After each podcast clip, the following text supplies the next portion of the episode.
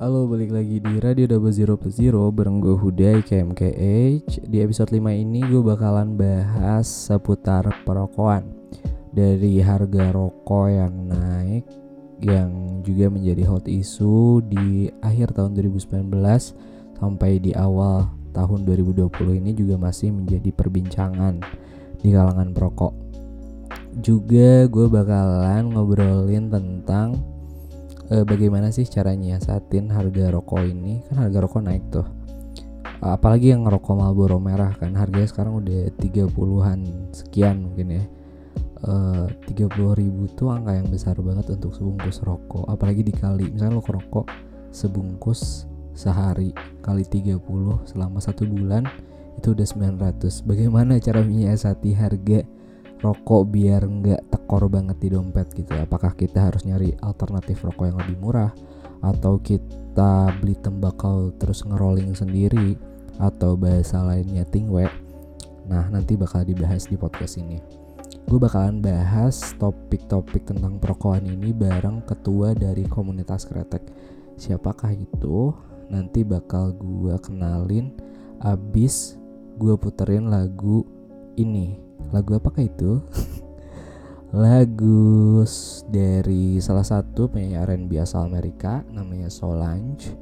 Judulnya Stay Flow. Dia juga adik dari salah satu diva dunia yaitu Beyonce langsung aja kita puterin Stay Flow by Solange. Check this out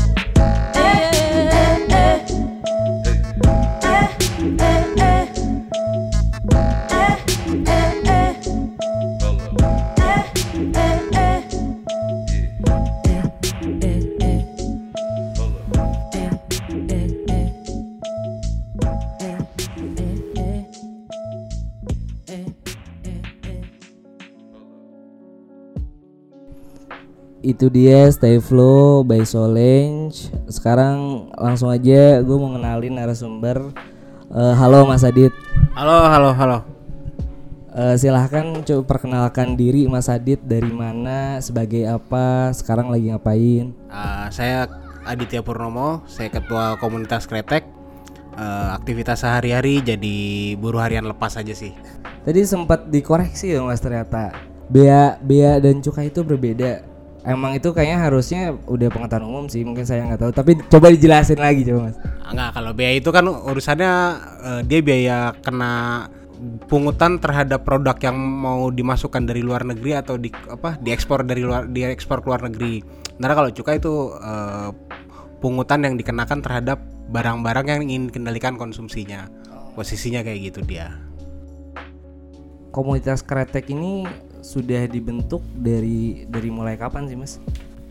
Uh, komunitas kretek ini berdiri tahun 2010 ya. Dideklarasikannya pada tanggal 3 Oktober 2010 itu awalnya ya didirikan karena teman-teman pendiri dulu founding fathernya Comtek itu merasa makin hari kok kita orang-orang yang ngerokok nih makin susah banget nyari ruangnya. Mau ngerokok di mana nggak boleh mau ngerokok di mana nggak boleh di terminal nggak boleh. Ya udahlah. Karena nggak ada yang advokasi teman-teman perokok. Nah, kebetulan orang-orang aktivis lama kan aktivis-aktivis 98 ya udahlah kita ngadvokasi diri kita sendiri lah bikinlah mereka komunitas ini kemudian. Dengan dibentuknya komunitas kretek ini sebenarnya apa poin-poin yang pengen pengen diperjuangin gitu? Apa yang poin yang jadi tujuan utama dari komunitas kretek ini gitu? Uh, kalau komtek komunitas kretek ini fokusnya pada ini ya pada edukasi konsumen sama advokasi hak konsumen. Uh, edukasi ya kita fokus di kita ngajak teman-teman kan banyak nih perokok nih di Indonesia. Uh, banyak juga teman-teman perokok yang kebetulan masih perilakunya masih tidak baik. Mereka masih ngerokok sembarangan masih ngerokok ketika naik, ketika naik angkutan umum merokok ketika berkendara dan sebagainya. Nah itu kan yang kemudian membuat pandangan masyarakat terhadap rokok jadi buruk. Ya, ya. orang-orang berpikir wah perokok bajingan semua nih ngerokoknya sembarangan naik motor ngerokok ada ket anak kecil ngerokok uh, lagi habis apa ngerokok di kantor ngerokok. Kan buruk semua nih ya itu yang kita coba kita coba mengubah cara pandang masyarakat mengubah stigma masyarakat tapi tidak dengan bilang enggak perokok nggak begitu. Tapi kita ngajak perokok yuk kita berbuat benar. Kalau ngerokok buang puntungnya jangan sembarangan. Langsung sama perokoknya gitu. langsung sama perokoknya apa ya puntung jangan dibuang sembarangan kalau apa berkendara jangan ngerokok dulu lah kalau mau lagi naik motor ngantuk gitu pengen ngerokok berhenti, berhenti dulu lah mampir ya. di warung hmm. yang kayak gitu kayak gitu Lebih itu yang ya. di konteks edukasi hmm. kemudian di konteks advokasi tadi seperti yang dibilang di awal eh, hak-hak perokok ini kan makin hari makin dikebir ya hmm. apa makin hari makin banyak kan perda-perda apa peraturan daerah tentang kawasan tanpa rokok aturan-aturan yang melarang orang buat ngerokok di banyak tempat sebenarnya inti utama dari regulasi itu adalah membatasi ruang orang merokok agar tidak mengganggu hak masyarakat yang tidak merokok. Yeah. Itu benar. Yeah. Persoalannya adalah kemudian di regulasi itu yang harusnya ada penyediaan fasilitas ruang merokok di banyak di tempat publik itu tidak disediakan yeah, baik oleh pengelola tempat umum ataupun oleh pemerintah. Nah, itu yang kemudian coba kita advokasi. Sekarang tuh sekarang masih jarang apa udah banyak, Mas? Kalau sekarang mulai di kayak di bandara, di terminal, di stasiun pun sebenarnya stasiun-stasiun jarak jauh ya itu udah ada sih eh, ruang-ruang uh, merokok. Hanya kayak misal di stasiun KRL masih masih cukup banyak tempat publik yang tidak menyediakan ruang merokok. Even dulu di Jakarta kan mal-mal tuh sempat ada ruang merokok, kafe-kafe yang boleh merokok tapi apa boleh ada ruang merokoknya. Tapi kemudian uh, saya lupa karena kasus apa. Oh, kasus yang ibu-ibu diusir dari Jeko dulu ada ada kasus itu uh. diusir gara-gara sebenarnya itu perokoknya bener hmm. itu ruang merokok ada ibu-ibu datang hmm. ya kan bawa anak bu jangan di sini bu di ruang yang sebelahnya ini smoking area. Udah bener sebenarnya. Tapi kan publik dan media kemudian framingnya ibu-ibu diusir sama perokok. Coba ngaco juga kan cara pandang. Padahal itu ruang merokok. Nah, itu kemudian mall-mall yang di dalam ruang yeah. itu nggak boleh ada ruang merokok lagi. Hal-hal yang kayak gitu yang hal yang kayak gitu yang kemudian membuat uh, komunitas kretek sampai sekarang masih berjuang gitu. Nggak nggak cuma di tataran mendorong. Misal kita kemarin bikin mendorong eh, stasiun-stasiun KRL ayo dong sediain ruang merokok. KRL itu kan setiap harinya bisa sampai satu juta orang ya. Iya. taruhlah ratusan ribu misal 500 ribu sampai satu juta orang. Misalkan itu ada 20% aja eh, pengguna KRL yang rokok mereka harus nunggu KRL kadang 30 menit kadang satu jam kadang kalau telat dua jam. Sementara ketika udah masuk mereka mau sebat nggak bisa. Mereka harus keluar mereka keluar biaya lagi Nah itu kan kemudian apa salahnya sih nyediain satu ruang satu spot? Nggak usah gede-gede. Ya yang secukupnya selayaknya di pojok orang rokok di sana. Kan nggak ngeganggu orang juga. Hal kayak gitu yang kemudian kita perjuangkan. Oh itu yang yang dicoba untuk di ini ya apa eh, advokasi. ada diadvokasi ke pemerintah supaya ih iya juga sih. Di mall tuh udah nggak ada ya malah ya. Di dalam ruangnya Iya, ya? dalam ruangnya. sudah sudah tidak diperbolehkan. Sekarang tuh ngakalinnya mereka eh, tempat makan yang di balkon gitu-gitu kan. kayak gitu kayak gitu. Nah, dulu nggak apa-apa di Jakarta. Banyak dulu di Jakarta. Karena kafe-kafe berkebutuhan juga terhadap ruang rokok. Eh, biar gimana pun kan konsumen mereka juga banyak yang sebat. Iya, Ya, sebenarnya kan mereka tinggal bikin sekat. Habis bikin sekat terus kasih apa exhaust udara Iya, ya kan untuk keluar apa segala macam urusan selesai. Pengelola kafe pengelola resto tuh selesai urusannya Iya. karena pemerintah aja nih gara-gara isu itu yang waktu itu yang di Jeko itu tuh. Tempat makan juga jadi pertimbangan orang sih. Ini ada tempat ngerokoknya Ah, kan sih? nggak enak ya habis makan nggak sebat. Iya biasanya kan ra- abis makan kan rapat apa Iya. segala macam sambil sebat. Sebat ngobrol gitu kan. Itu itu yang coba di apa dicoba diperjuangin sama Komtek ya komunitas kretek advokasi itu di luar edukasi itu di luar konteks advokasi di luar konteks eh, ketika pemerintah daerah kayak di Jogja nih di Jogja kan bulan bulan depan nih tanggal 1 Februari kalau nggak salah itu mulai diterapkan tuh perda KTR-nya nah itu kita, kita advokasi dalam konteks eh, misal Malioboro Malioboro harus steril dari rokok dari asap rokok. Oke Malioboro dia adalah KTR orang-orang nggak boleh ngerokok sembarangan. Tapi disediain gak ruang merokoknya nah itu kita kemarin komunikasi tuh sama orang-orang di sana. Kita lihat juga cek ada memang ruang merokok tapi masih menurut kami masih kurang layak ya masih minim ya. Karena sepanjang jalan Malioboro tuh kan panjang banget. Iya masa sepanjang jalan Malioboro ntar disediain ruang rokoknya cuma satu cuma dua. Itu kan nggak nggak clear ya. Ah kayak gitu yang coba kita komunikasikan. Oh, tapi itu sempat jadi apa mau disahin KTR sudah disah oh sudah perdanya sudah disahkan maksudnya di tahun lalu. nggak boleh ngerokok? Ya karena itu perda KTR kan mengikat. Iya, tempat tempat umum nggak boleh. Nah, itu sudah disahkan sejak tahun lalu. Sosialisasinya kan satu tahun. Perda berlaku satu tahun ntar ketika berlaku udah siap belum pemerintahnya? Dulu kami kritik juga pemerintah kabupaten aduh Gunung Kidul apa Kulon Kulon Progo. Jadi Kulon Progo ini ngaco mereka bikin perda KTR getol termasuk di kantor pemerintahan. Tuh ada PNS-PNS di kantor pemerintahannya tuh yang mau ngerokok susah. Mereka kan orang-orang Jawa lama ya apa segala macam butuh ngerokok apa. Di kantor kantor pemerintahan nggak ada ruang merokok mereka protes juga dulu. Oh iya. Nah, kita kan fokus itu. Kalau memang pemerintah Kulon Progo belum siap bikin apa menyelenggarakan perda KTR, fasilitas fasilitasnya belum tersedia, nggak usah dijalanin dulu, siapin dulu. Karena ini menurut komunitas kretek ya, menurut saya sepanjang aturan soal KTR ini tidak clear di penyediaan ruang merokok, jadi kita bikin banyak eh, perda peraturan KTR kawasan tanpa rokok orang-orang nggak boleh ngerokok sembarangan tapi ruang merokoknya nggak disediakan itu nggak akan efektif sampai kapan pun Tadi kan berarti eh, advokasi ketika komunitas kreteknya melihat ada ketidaksesuaian terus dikawal sama ketika ada orang yang minta misalkan di suatu daerah kayak ini ada perda perda KTR yang eh, nggak sesuai dan nggak bisa nih kayak gini minta komunitas kretek pasti didampingi juga berarti kayak gitu. selama kita mampu kita dampingi Oh, iya. Berarti berarti ada ya keterbatasan lah ya. ada keterbatasan juga Ini nih mas yang jadi lumayan berita cukup panas di awal tahun nih. Harga rokok kan, eh harga rokok. Sebenarnya yang naik itu harga rokok atau harga cukai sih mas? Eh, aturannya kan soal cukai. Ah. Sebenarnya pemerintah maunya menaikkan tarif cukai. Tapi agar tarif cukai naik, harga jual ecerannya juga harus naik. Jadi dua-duanya tetap naik. Kalau ditanya yang naik tuh apa? Dua-duanya naik. Hanya konteks eh, kepentingan pemerintah adalah pemerintah ingin menaikkan cukai. Ketika untuk menaikkan cukai, otomatis HJE harus naik. Harga jual eceran rokoknya. Jadi istilahnya mah, eh Beli satu dapat dua. iya, jadi jadi niatnya mah naikin HJE dengan harga cukai dinaikin gitu ya. Sekarang ngerokoknya apaan sih bang? Saya tergantung.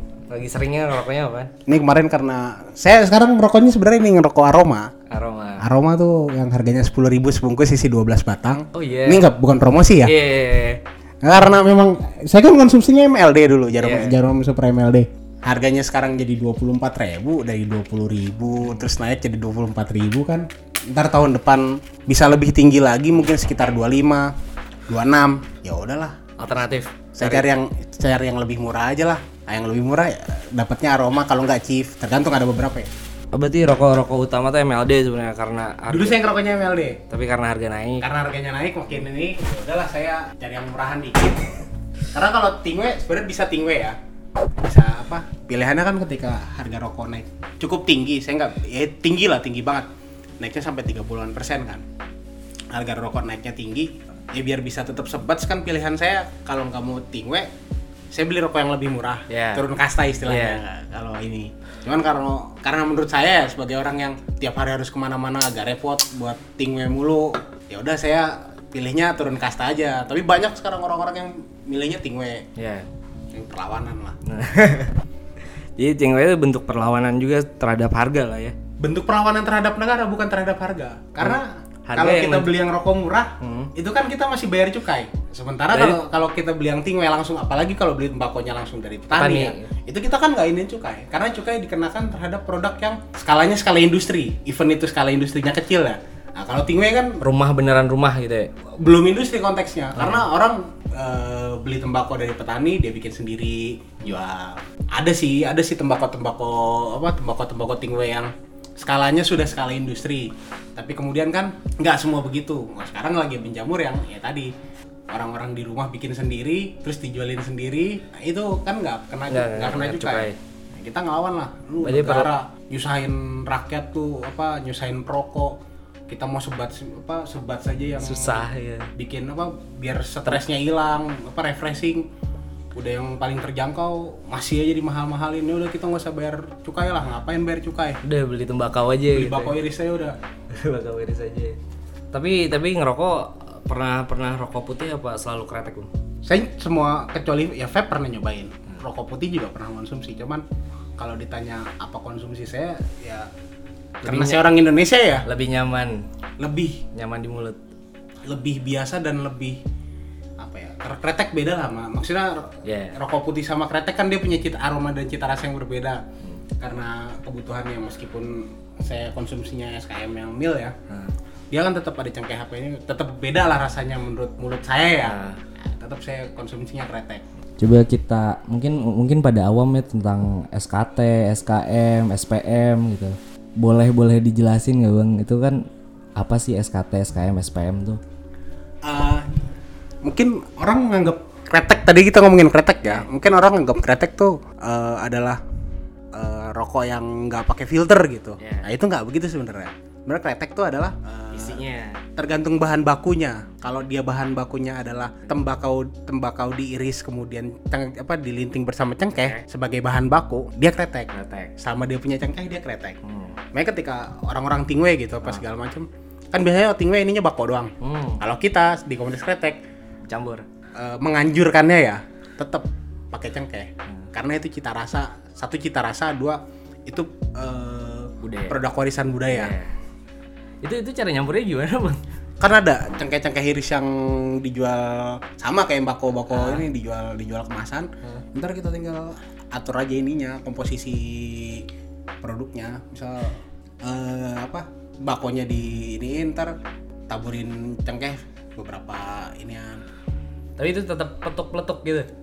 ada ininya ada ada sensasi itu karena ya itu kan Itu ciri kenapa, khas dis- sih. kenapa disebut kretek kan karena ada Trek, ketika trek, diisep trek, tek tek tek tek Iya, tek. Nah, begitu kan Berarti kalau kalau SPM tuh cuma pengelolaannya pakai mesin gitu ya, pembuatannya pakai mesin. SPM nggak semua pakai mesin eh enggak maksudnya rokok putih tidak ya SPM SPM kan pakai mesin, Mesin. sigaret T itu putih mesin tangan, iya. T tangan ya kan SKM tuh sigaret kretek mesin Iya. jadi kretek yang pakai mesin misal nih bukan promosi ya Ini bukan Misal- bebas nyebut brand bebas lah. ya. Misal- tidak terasosiasikan. misal jarum super gudang garam surya itu SKM SKM reguler tuh yang eh, agak lebih tebal tetap bisa ada SKM melt yang kayak sampurna mil jarum MLD nah, kayak gitu kalau SKT tuh jarum coklat atau jarum 76 cuman bukan yang filter ya Iya. kan ada tuh produk yang filter tuh Iya, nah ini jarum jarum 76 gudang garam Ini merah pakai tangan pakai buru. pakai tangan Cepat banget berarti produksinya. Enggak juga. Dia kan tetap ya kalau karena udah biasa kan Ah. kita ngeliatnya cepet tapi kalau dibanding mesin jauh cepetan mesin jauh. iya sehari orang paling bisa bikin di angka ribuan mesin bisa bikin sampai jutaan Hmm. satu mesin satu orang bandingannya ya jauh kan tetap perbandingannya Eh, harga rokok tuh naik kan tadi tuh. Terus Tingwe, Tingwe udah saya mantau di Twitter nih. Udah udah mulai banyak yang jualan kayak Gayo gitu-gitu. Tahu Willy nggak Bang Willy? Willy Dekit. enggak enggak tahu Nah, dia dia dia eh, lumayan besar di Twitter terus kayak followernya seri- 100 ribuan gitu. Dia mulai tuh menggalakkan apa? Dia dia jualan sih sebenarnya. Dia jualan eh, tembakau yang hijau itu namanya Gayo ya? Gayo, ya. Gayo. Terus eh, orang-orang jadi banyak yang beli dan coba ternyata eh, ngelinting tuh seru gitu kan bareng teman-teman. Itu bakal jadi maksudnya bakal jadi tren gak sih bang? Maksudnya nanti misalnya tengah tahun atau itu sudah tengah jadi tren tahun. Oh sekarang tuh sudah jadi sudah tren, jadi tren tapi belum belum terlihat gitu. Hmm, Apa di di beberapa daerah doang? Apa? itu sudah jadi event di Jakarta itu sudah jadi tren. Oh, kenapa kenapa saya bilang jadi tren karena satu tingkat konsumsi tingwe sekarang meningkat, meningkat jauh. Kalau kita datang di Jogja tuh ada beberapa ada beberapa apa istilahnya beberapa toko-toko toko tembakau, toko-toko tembakau buat tingwe itu penjualannya meningkat. Ada dua sih hal yang membuat itu menjadi meningkat. Pertama karena tarif cukai dan harga rokok naik. Ya. Kedua, tembakau gayo. Tembakau gayo ini sebelum tarif cukai naik pun dia sudah jadi fenomena. Itu itu apa yang Gayo hijau ya maksudnya ya, yang gayo hijau karena dia punya aroma yang khas sama kayak ganja gitu orang-orang uh, suges apa segala aromanya, rasanya beda Iya. jauh. Rasanya nggak nggak ini. Aromanya sama, orang banyak konsumsi itu jadinya. Iya. Biar ngilangin suges atau gimana mungkin ya. Iya. ya eh Stingway posisinya Stingway sekarang udah jadi tren ya. Ya tadi pertama karena konsumsi eh, tingkat konsumsi meningkat. Kemudian orang-orang yang jualan semakin banyak, penjualannya juga meningkat. Ketiga sekarang orang pede gitu, udah berani gitu. Karena dulu kan mungkin Stingway diasosiasikannya sama orang tua yang "Ah, apa sih Stingway repot banget. Nah, sekarang orang-orang udah pada berani gitu anak-anak muda ya. Stingway aja men, Stingway aja men. Murah apa segala macam. Dia udah udah masih menuju life, masih menuju saya nggak bilang lifestyle ya masih menuju ke arah kebiasaan anak-anak muda meskipun ya tetap kalau menurut saya tetap mereka mau tingwe mau gimana mereka tetap akan beli rokok yang biasa juga beli rokok kretek biasa juga karena itu sulit tergantikan sih ya. persoalan praktis. Ah, sama kayak kita misal apa istilahnya ya? Terbiasa sama kita udah terbiasa praktis nih. Sehari-hari makan indomie apa segala macem. Ya paling makan nya kan sesekali yang kayak gitu kayak gitu kayak gitulah. Nggak nggak nggak nggak apa? Bukan nggak bisa tergantikan. Ya ada juga orang yang benar-benar ting full Iya. tapi secara umum publik merasa bahwa tetap ngerokok biasa lebih praktis dari ting ya tetap. tapi tadi saya bilang ini persoalan apa sih? Persoalan Personal. gaya hidup kan persoalan gaya hidup ya. Gaya hidup mungkin orang kalau yang biasa-biasa ya biar praktis udah beli rokok rokok biasa aja kan. Masalah prevensi pilihan lah ini ya. masalah karena orang kan ada oh ini keren nih apa, Ya, apa old school banget kayaknya ya kan yang kayak gitu kayak gitu. Persoalannya gaya hidup kan nah itu kemudian orang makin banyak beralih ke tingwe beralih ya beralih tadi posisinya Eh, satu karena harga rokok mahal kedua karena buat orang yang sadar ya mereka ah, anjing negara nggak mau lah kita bayar cukai udah udah semakin banyak kayak gitu jadi kalau dibilang eh, itu tren ke depan akan jadi tren sekarang sudah, sudah, justru sudah. sekarang jadi trennya kita nggak tahu kita lihat nih berapa lama nih bertahan ini tapi kayaknya akan panjang karena tadi harga rokoknya kan ada- ini persoalan ekonomi Hmm. Iya, iya, iya. bukan persoalan wah toto ada barang baru hype ini barang lama Hmm. tapi karena persoalan ekonomi dia jadi naik Tapi mungkin kayaknya belum nyebar seluruh Indonesia mungkin ya. kalau seluruh Indonesia berat mungkin kalau kayak di Papua apa segala macam eh, mereka ngerokok biasa aja mahal Ja, eh, sekitaran Jawa juga belum tersebar merata gitu trennya itu. kalau ditanya Pulau itu Jawa. sudah tersebar merata atau tidak mungkin hampir di setiap kota ada orang yang tingwe Ada pasti ada. Iya. Tapi eh, apa banyak enggaknya? eh jumlahnya karena kan jumlah perokok kan puluhan juta ya Ya. mungkin tingwe baru di angka ratusan ribu atau baru di angka satu juta Itu sangat wajar tapi Jadi tetap nggak bisa sebanding. Iya, sangat wajar. Perbandingan apa perokok sama ini kan beda. Nah, kalau kalau ditanya itu sudah jadi tren, sudah meningkat eh, jumlah orang yang tingwe. Tapi kalau dibandingin sama orang yang rokok tetap jauh karena jumlah perokok kan dia sampai puluhan juta orang. Mungkin yang tingwe masih ratusan ribu atau baru di jutaan awal. Dia tetap nggak bisa sebanding. Iya. Tapi kalau ditanya trennya meningkat, dia meningkat.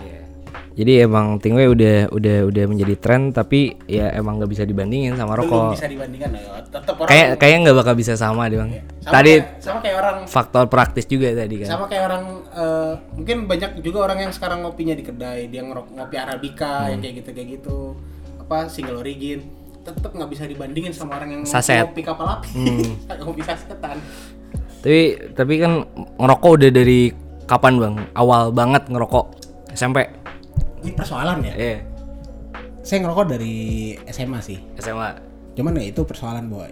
Itu salah ya. Saya sekarang saya sadar itu salah. Dulu ketika saya masih muda saya nggak tahu bahwa itu salah. Nah makanya kemudian ketika di kelas berapa tuh kelas satu. Kelas satu.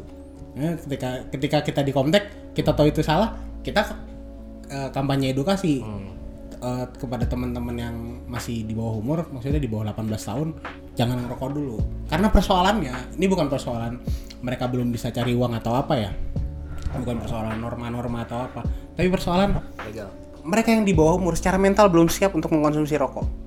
Karena biar bagaimanapun, eh, rokok itu adalah satu produk yang punya faktor resiko yang mengganggu kenyamanan orang lain. Kenapa mengganggu kenyamanan? Karena dia punya paparan asap rokok. Oh iya.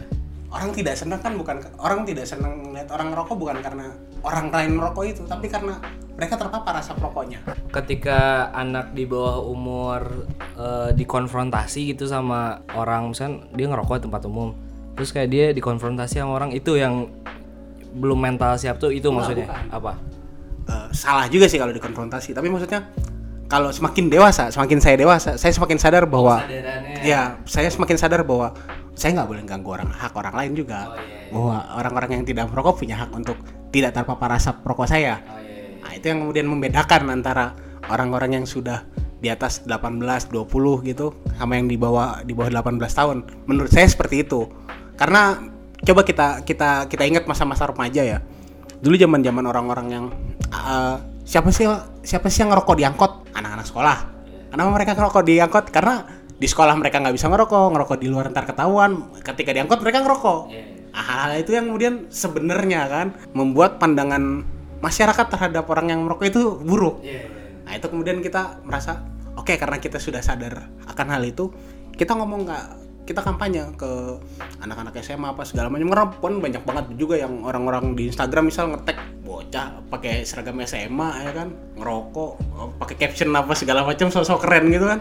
Kita balas komen "Gak belum cukup umur apa segala macam jangan ngerokok apa segala kita kita jelasin. Kita apa komtek begitu bener bener bener apa bener bener. Kita konfrontasi malah anak-anak itunya. Konfrontasi dalam tanda kutip ya bukan lu jangan ngerokok lu ngerokok apa segala macam bahaya kesehatan. Enggak. Itu kan itu itu salah juga kemudian.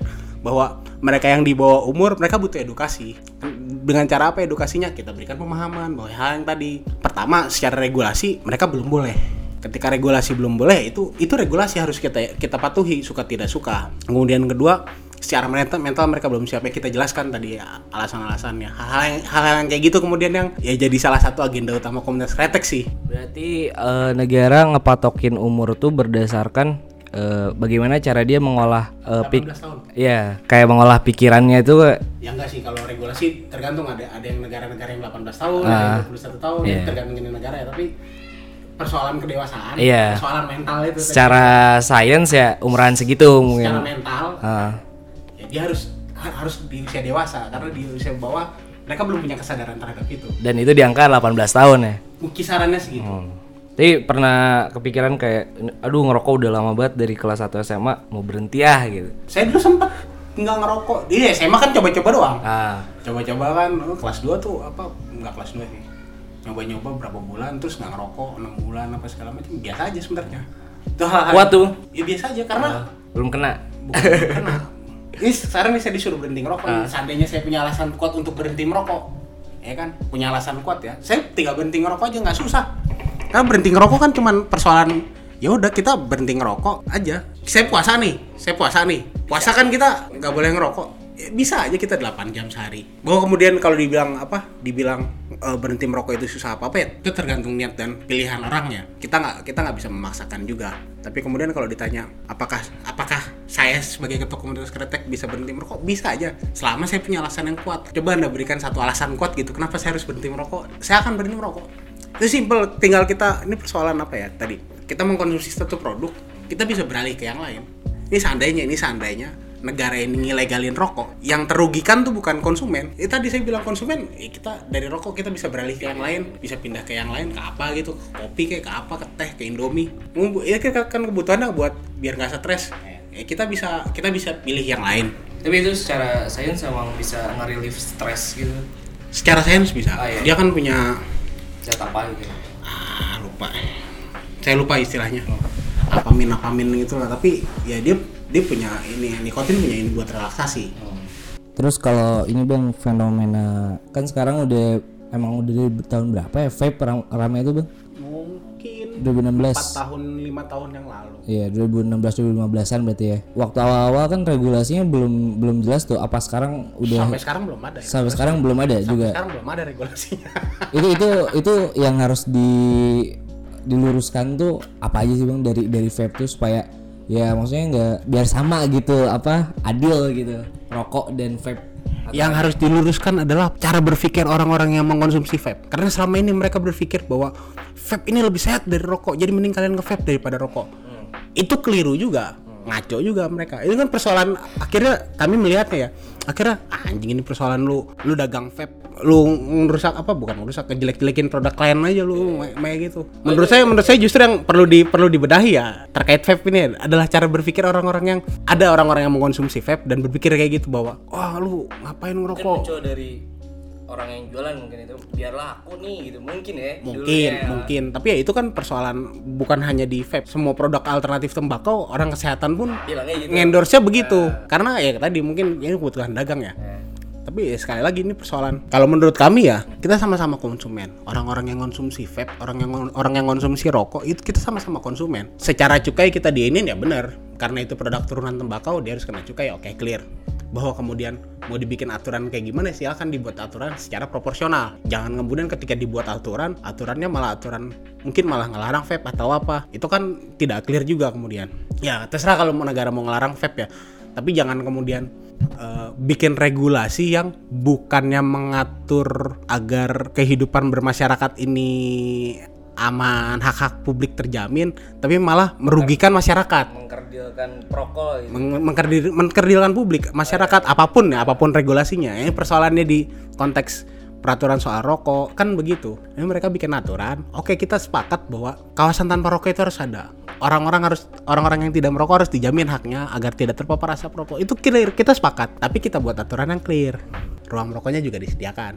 Kenapa ruang merokoknya di ruang merokok disediakan. Selama ada ruang merokok orang akan oh nih ada ruang merokok nih di sini. Ya udah dia akan ngerokok di sana. Persoalannya kenapa orang selama ini masih dianggap merokok sembarangan ngerokok ngerokok eh, tempatnya susah ditemuin. Persoalannya kan itu. Jadi kalau tadi ditanya terkait fenomena vape apa segala macam regulasi regulasinya sampai sekarang sih sejauh pemahaman saya belum ada. Paling aturannya aturan cukai doang. Kemudian kedua apa yang baru ya? udah udah udah. udah udah udah beberapa tahun ini kalau cukai. Terus kalau yang perlu diluruskan terkait vape adalah tadi jangan sampai justru ya. orang-orang orang yang mengkonsumsi vape ngejelek-jelekin produk lain. Kita sama-sama konsumen yang kita lawan ini negara. Kenapa kita lawan negara? Karena negara yang ngerugiin kita. Ya kalau kalau persoalan dagang persoalan dagang oke lah eh, kayak gitu. Tapi ya itu kemudian kan lihatnya teman-teman yang ngerokok ya. Kemudian makanya banyak yang benci juga sama vape persoalannya bukan karena ya terserah vape kalian mau nge-vape siapa pun mau nge-vape siapa pun mau ngerokok siapa pun mau nggak ngerokok itu kan pilihan personal. Kita nggak bisa kita nggak bisa ngelarang-larang mereka kita nggak bisa ngelarang-larang hak orang. Tapi kemudian ketika cara cara berpikirnya seperti tadi nih ngapain sih lu ngerokok? Ngerokok nggak sehat apa segala macam apa bedanya mereka sama orang-orang yang ngebenci rokok? Ya, kayak gitu yang menurut saya perlu dibenahi. Terus terakhir bang, eh, dari obrolan 36 menit ke belakang, apa sih yang mau disampaikan ke pemerintah, ke perokok, non perokok, dan mungkin eh, buat yang pengen nyari alternatif tuh apa bang? Perokok, pemerintah, sama yang pengen nyari alternatif apa yang pengen disampaikan? Ah, buat teman-teman yang rokok, nggak usah khawatir eh, terkait kenaikan harga rokok, kenaikan harga kena- kenaikan tarif cukai itu nggak usah khawatir karena eh, biar bagaimanapun kita perokok ini cerdas sebenarnya. Kita punya banyak eh, pit, kita punya banyak pilihan. Ketika harga rokok yang golongan satunya naik, kita bisa turun kasta ke golongan 2 atau golongan 3, ya kan? Ketika tadi saya ngerokok MLD, saya sekarang bisa pilihan ngerokok ke rokok chief atau aroma atau sukun yang harganya ya masih terjangkau lah bisa kisaran kalau ketika nanti naik di harga 15.000 kan masih terjangkau itu bisa kemudian kita bisa tingwe ada banyak pilihan. Jadi nggak sebenarnya nggak perlu takut juga. Nggak usah nggak usah panik. Rokok tuh nggak nggak nggak nggak perlu panik karena harga rokok naik. Sebenarnya yang bikin pa- panik ini yang bikin rokok panik ini kan media. Media seakan-akan bilang bahwa wah satu ini udah satu Januari nih fix satu Januari harga rokok naik tinggi langsung dibikin la- listing harganya apa segala macam padahal di awal Januari ini sampai Februari awal. Cukainya masih 2019 harusnya pakai harga lama. Masih pakai harga lama. Itu kemudian ada warung-warung yang ya karena Haji mumpung kan ya naikinnya toto MLD harganya 25.000 padahal harganya masih harusnya 23 Jadi, pernah 20 kalau apa ke ke warung gitu ada ini kemarin saya beli dulu saya bilang bang ini 19 bang gitu. Ya enggak dong ini apa kita ya itu kan ini dia kalau kalau menentukan harga kan pilihan pedagangnya. Ya kemudian ketika kita tahu dia jualnya segitu ya kita nggak ke situ lagi lah. Pilihan kita kan itu Iya, gitu sebagai konsumen. ya paling ini doang sih. Uset bang tinggi amat padahal harganya ini cukainya masih segini harga baru itu. Paling kan yang kayak gitu kayak gitu ya. Cuman ya kita nggak bisa ini kan namanya pilihan pedagangnya kan. Paling kita sebagai konsumen ya udahlah besok besok nggak usah beli di situ lagi beli tempat lain aja. Satu buat yang bang pemerintah dulu ya kalau denger juga ya. Kalau buat pemerintah clear kita. Kalau pemerintah memang mau eh, serius menegakkan KTR, menegakkan kawasan tanpa rokok, melindungi hak masyarakat dari asap rokok, sediakan pertama sediakan ruang merokok, kedua bikin aturan yang berkeadilan. Karena tanpa aturan yang berkeadilan, mau sampai kapan pun perokok akan tetap bandel. Karena haknya perokok merasa haknya tidak terjamin, ya kan? Masa mereka mau apa? eh, pemerintah pemerintah punya program mengurangi prevalensi perokok di bawah umur. Pilihannya adalah menaikkan harga rokok, menaikkan tarif cukai. Kan nggak nyambung. Kalau mau perokok di bawah umur turun turun prevalensinya, perketat aturan penjualan. Sekarang kan aturan penjualan cuman dia punya aturan bahwa orang yang boleh beli rokok di 18 tahun. Deh. Tapi kalau di warung-warung kan tetap orang mau beli rokok apa segala macam dijual aja. Nggak pernah ada sosialisasi, nggak pernah ada tindakan tegas. Ditindak aja nggak ada masalah yang kayak gitu.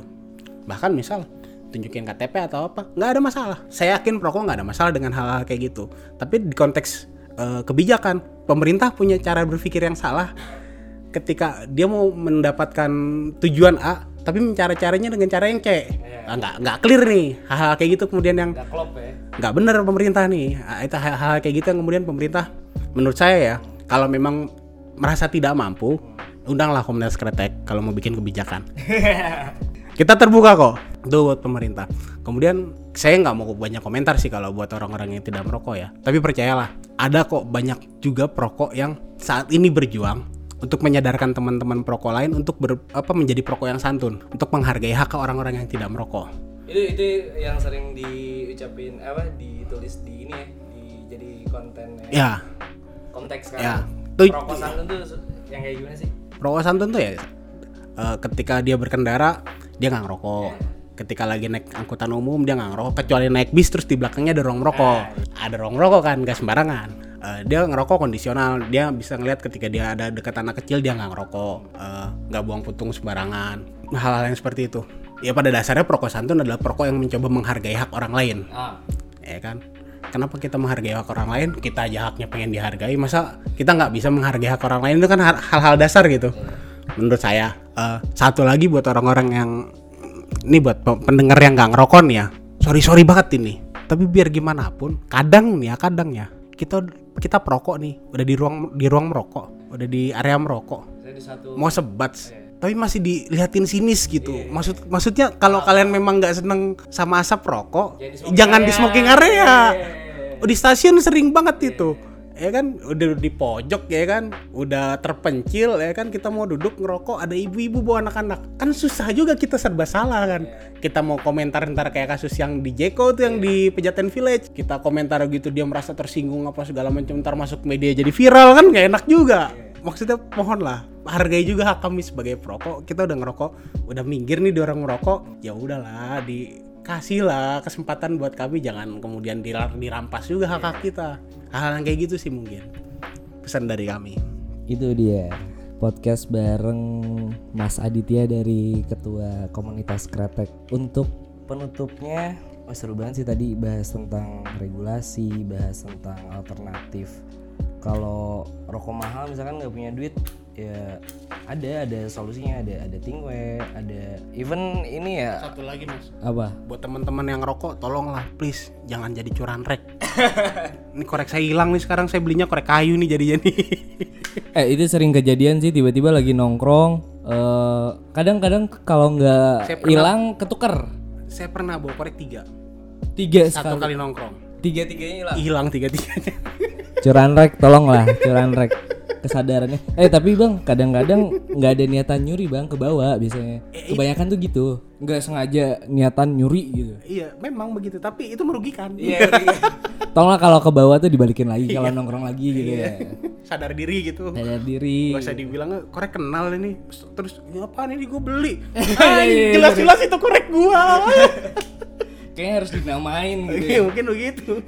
Jadi itu ya bahasan gue bareng Mas Aditya seputar rokok dan perintilan di dalamnya yang sangat penting tadi. Eh, gimana, jadi gimana nih dengan harga kenaikan rokok? Masih pada mau ngerokok dengan brand yang sama atau nyari alternatif lain, Tingwell lah atau cari yang baru atau cari yang setia. murah atau cari yang baru atau setia cari yang baru atau setia. Kalau kalau masih sih kayaknya bakal pindah sih. saya aja pindah mahal men sekarang Berat, apalagi kalau yang mau eh, ngerokok Marlboro merah, Bang. Wih, sedih ro- ngerokok tiga puluh tiga ribu. Se sebulan udah 990 ribu. Makanya stres juga. Ah, udah beli aromanya dah. Ah, promosi gua.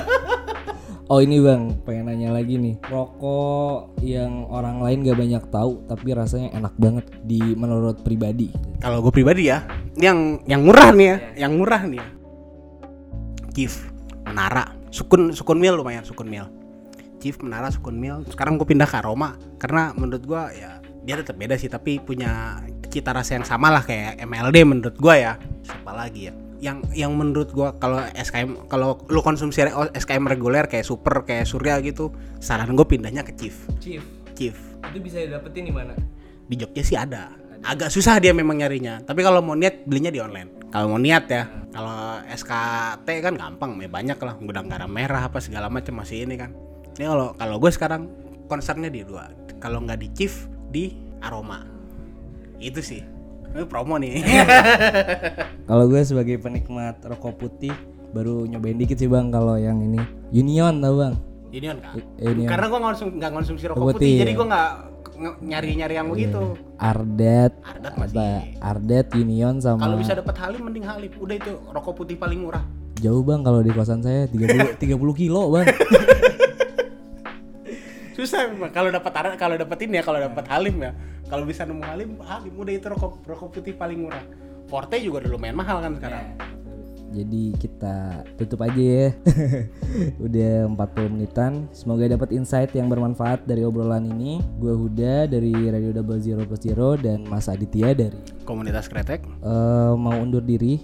Jangan lupa follow Instagram komunitas kretek di at komunitas kretek twitternya juga at komunitas kretek dia juga ada kanal media ya. ada situs di komunitaskretek.or.id kita juga punya channel YouTube di komunitas kretek komunitaskretek.or.id dan Itu YouTube situs situs ya web nah, web. dan channel YouTube di komunitas kretek. komunitas kretek Baru keluar videonya tuh yang udah lama Oh, ada itu ada ya? beberapa maksudnya kita udah punya channel YouTube itu dari lama. Tapi sekarang lagi dikelola ulang lagi. Ada beberapa video yang baru. muncul tuh apa sih? Siapa? Karakternya? Mat kretek. Mat Kretek. Tuh. Mesti ditonton menarik banget sih. Jangan lupa follow di Instagram @komunitas_kretek, tadi Twitter juga @komunitas_kretek, terus eh, websitenya di @komunitaskretek.or.id, terakhir YouTube di Komunitas Kretek. Buat apa? Berita pokoknya seputar perokokan di situ lah ya. Lengkap. Seputar persebatan duniawi. Persebatan duniawi. Ya cukup segitu podcast dari kita. Thank you nih ya. Thank you. Ah iya mas. Makasih Iya. nih makasih makasih. Ini besok langsung ke Jogja berarti ya? langsung berangkat lagi ke Jogja. Langsung nyari nafkah eh, that's all. Sebelum podcast ini berakhir, gue bakalan muterin lagu dari. Biasanya ini request deh lagu terakhir. Biasanya kalau lagi sebat tuh dengan lagunya biasanya sebenarnya Desigit, Desigit. Sigit. Ya, Fine Clove Cigarette itu lagu lupa judulnya apa ya. Eh, Super Fine Clove Cigarette. Eh, Clover Doper. Oh. Clove Doper. Close Doper. Tadi baru nyari judulnya apa bang? Clove Doper. Kita puterin aja lagu dari The Sigit, judulnya Clove Doper. Eh, The Sigit, Clove Doper, check this out. Thank you.